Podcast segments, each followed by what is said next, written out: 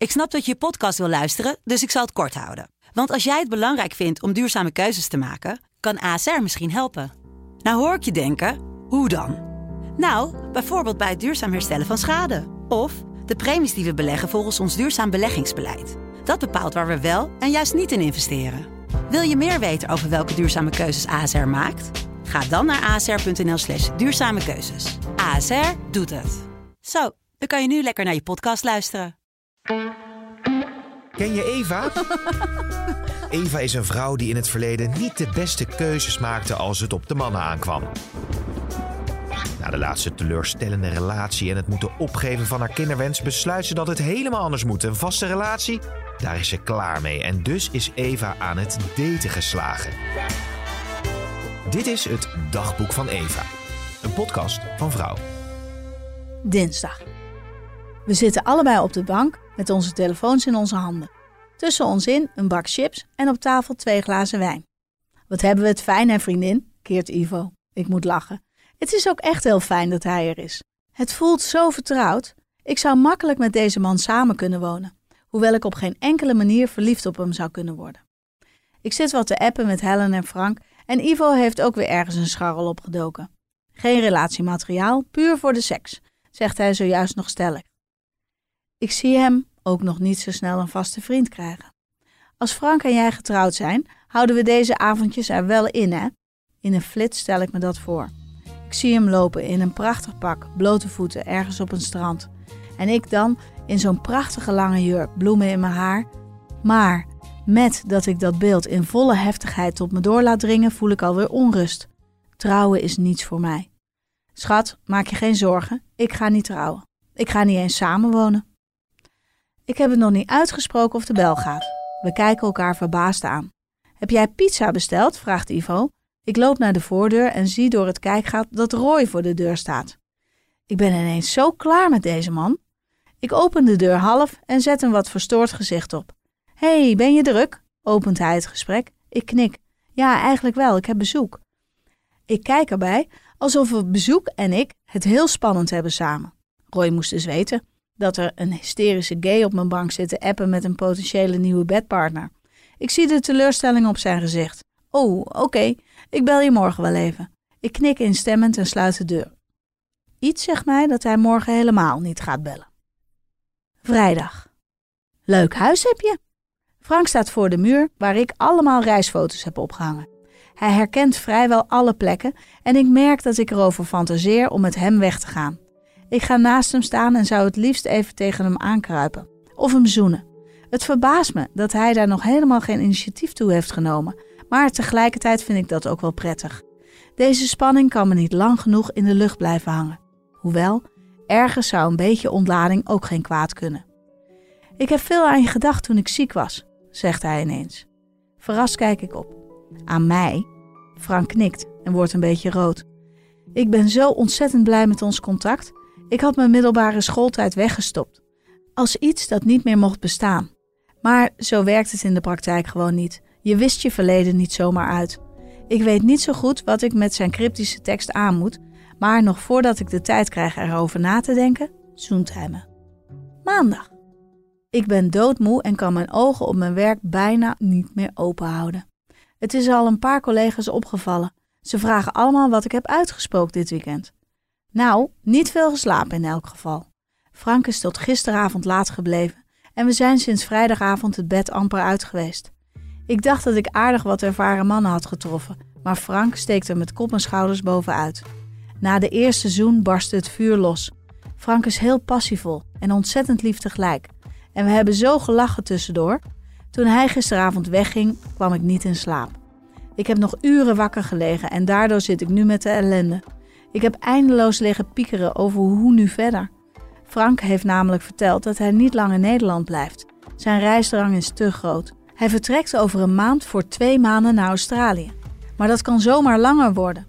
Ik vind het een troosteloos vooruitzicht. Kom er ook heen, reageerde hij op mijn teleurgestelde gezicht. Alsof het de normaalste zaak van de wereld is dat je even op en neer vliegt naar Australië.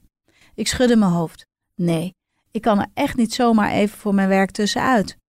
Nou is dat ook wel zo, Maar los daarvan ga ik niet zomaar weg met een man die ik niet ken. Hoe heerlijk het ook met hem in bed is en hoe fijn we kunnen lachen samen. Nou is het echt niet zo dat ik met deze man toch had gehoopt op een relatie. Maar ik vind het een rot idee dat ik al zo snel weer zonder hem moet. Ik heb al een paar keer tegen mezelf gezegd dat ik er vooral van moet genieten, zolang hij er wel is. En dat het de spanning er ook wel inhoudt, zo'n reislustige man. Maar er knaagt toch een gevoel van onvrede. Donderdag. Ik kijk naar het slapende gezicht van Frank. Totale ontspanning. Hij heeft echt niet door dat ik hem uitgebreid ligt te inspecteren. Hij is zo'n type ruige man uit de reclames. Hij lijkt in de verste verte niet op de jongens waarmee ik ook wel eens thuis kom. Frank leeft het leven, dat staat duidelijk op zijn gezicht te lezen. Ik vind het ontzettend aantrekkelijk. Hij is ook zo'n man die alles kan, heb ik al gemerkt. Vanavond deed mijn televisie niets meer en met een paar drukken op de afstandsbediening kreeg hij het ding weer aan de praat. Ik vind het echt heerlijk om hulpeloos te doen bij zo'n man. Hij fixte ook in een handomdraai mijn almaar doorlopende toilet. Ik luisterde al weken naar het zachte geruis van water, maar dat is nu dus ook verholpen. Ik zie hem ervoor aan dat hij met zijn blote handen een vis vangt. Of een gevaarlijke beer met een linkse hoek neerslaat. Heel mannelijk. Als het aan Ivo en Helen ligt, houd ik Frank. Maar als het aan Frank ligt, loopt dat anders. En daarbij heeft hij mij ook nog niet alles verteld over vroeger. Ik blijf het gevoel houden dat hij daar liever niet over praat. Dinsdag. Ivo en ik hebben een dagje vrijgenomen en we liggen heerlijk te relaxen in een wellnesscenter. Ik had me al een beetje voorgesteld dat het hilarisch zou worden, met een gay vriendje naar een setting met alleen maar blote mensen. Maar ik heb echt al een paar keer buikpijn van het lachen gehad. Hou op, we lachen ze gewoon uit, proest ik zachtjes, terwijl ik mijn gezicht verberg achter een tijdschrift. Nee, meid, we lachen niemand uit. We hebben gewoon de grootste lol om het feit dat we er vrijwillig voor kiezen om op deze manier onze dag door te brengen. In veel te hete hokken, in veel te koude baden, met veel te extreem blote mensen. Gelukkig kost het allemaal niets. We hebben inderdaad voor een full package deal gekozen met een behoorlijk prijskaartje. We lunchen en dineren hier. We hebben vanmorgen een massage gehad en zo staat er een facial op de planning. En we hebben ook nog een hammambehandeling geboekt. Maar we zijn er echt even uit, roepen we steeds tegen elkaar. Nou, lees even door. Over een kwartiertje begint de eclectische opgieting onder begeleiding van dolfijnengejank met de geur van ilang-ilang olie, zegt Ivo met een streng gezicht. Ik knik en verdiep me weer in het artikel over happy singles. Hoe toepasselijk. Woensdag. Frank is bij mij en staat te koken. En het voelt allemaal heel echt. Vorige week opperde hij al het plan om bij mij te komen eten en dan zelf een van zijn favoriete gerechten te bereiden. Terwijl hij bezig is met de pannen, dek ik de tafel. Wat voelt het vertrouwd, hè? hoor ik hem vragen. Hij ervaart dat dus net zo. Maar ik weet dat hij binnenkort weer weggaat. Dus ik kan me wel heel erg gaan hechten aan dit fijne gevoel. Het is toch maar tijdelijk. Weet je zeker dat je niet met me mee wil of een paar weken langs wil komen? You only live once, Eve. Hij zegt het met een gemak waar ik me een beetje aan stoor. Ik heb een huis, een hypotheek, een baan, ouders en vrienden hier. Ik kan het toch niet allemaal achterlaten om een gevoel te volgen? Ik ken hem amper. Ik was tot een paar weken terug overtuigd van mijn happy single leven. En daar sta ik eigenlijk nog steeds wel achter. Ik ben zo in gedachten dat ik nog niet heb geantwoord. En blijkbaar haalt Frank daar zijn antwoord uit, want ineens voel ik zijn armen om me heen. Ik hou erover op. Ik vind je gewoon heel leuk en ik zou het liefst samen met jou van de wereld genieten. Maar ik begrijp ook dat je die stap niet zomaar neemt. En al helemaal niet als je iemand net hebt herontmoet. Ik knik en word een beetje emotioneel van zijn begripvolle woorden. Precies op het juiste moment zoent Frank me. Zijn passie drijft het gesprek van je zojuist naar de achtergrond. Oh, wat is deze man heerlijk. Dinsdag. Een paar weken met hem meegaan kan toch geen kwaad? Wanneer ben je voor het laatst echt op vakantie geweest? Helen kijkt me vragend aan. Ik haal mijn schouders op echt op vakantie. Ik doe vooral weekendjes weg. Ik ben ook helemaal niet zo'n wereldreiziger.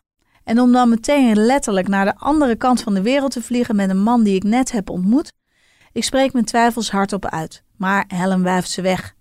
Je hebt hem niet net ontmoet. Je hebt bijna een jaar bij hem op school gezeten. Je kent hem dus eigenlijk al heel erg lang. Ik sta op omdat ik onrustig word van het gesprek. Helen, deze man was ineens van de aardbodem verdwenen. Van de een op de andere dag hoorde niemand meer iets van hem. En ik voel aan alles dat hij niet meer over die tijd wil praten. Ook dat maakt geen indruk op mijn beste vriendin. Pubers. Zo zijn pubers. Ik zie het nu aan Max. Die gaat ook steeds meer zijn eigen gang.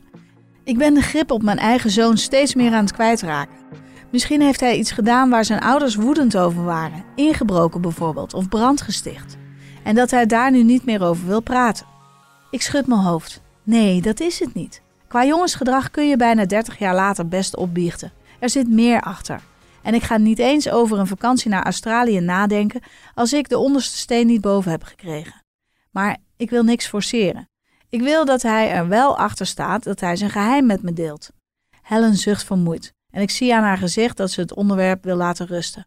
Eindelijk. Zaterdag.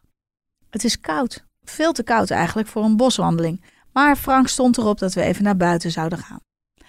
Waar ik duizendmaal liever met een kop thee op de bank had gezeten, loopt hij liever het vriezingklimaat te trotseren met een paar wandelschoenen aan. Die heb ik niet eens. Ik kijk naar beneden en zie hoe mijn witte sneakers van kleur veranderen. Lekker hè? Even een frisse neus halen, hoor ik hem zeggen. Fris? Mijn neus vriest er bijna af. Frank schiet in de lach, staat stil en trekt me tegen zich aan. Wat ben je toch een prinsesje, maar ik vind je wel schattig hoor. Ik voel zijn warmte langzaam door mijn kleren heen trekken en geniet er in stilte van. Hé hey Eve, er is iets waar ik met je over wil hebben. Mijn hart mist een slag. Ik weet precies waar hij op doelt. En hoewel ik er ontzettend nieuwsgierig naar ben, ben ik ook bang dat hij me iets gaat vertellen waar ik niet mee kan leven. En dat de bubbel waar ik in leef als een zeebel uiteenspat. Wil je de volgende aflevering van het dagboek van Eva niet missen? Abonneer je dan in je favoriete podcast-app.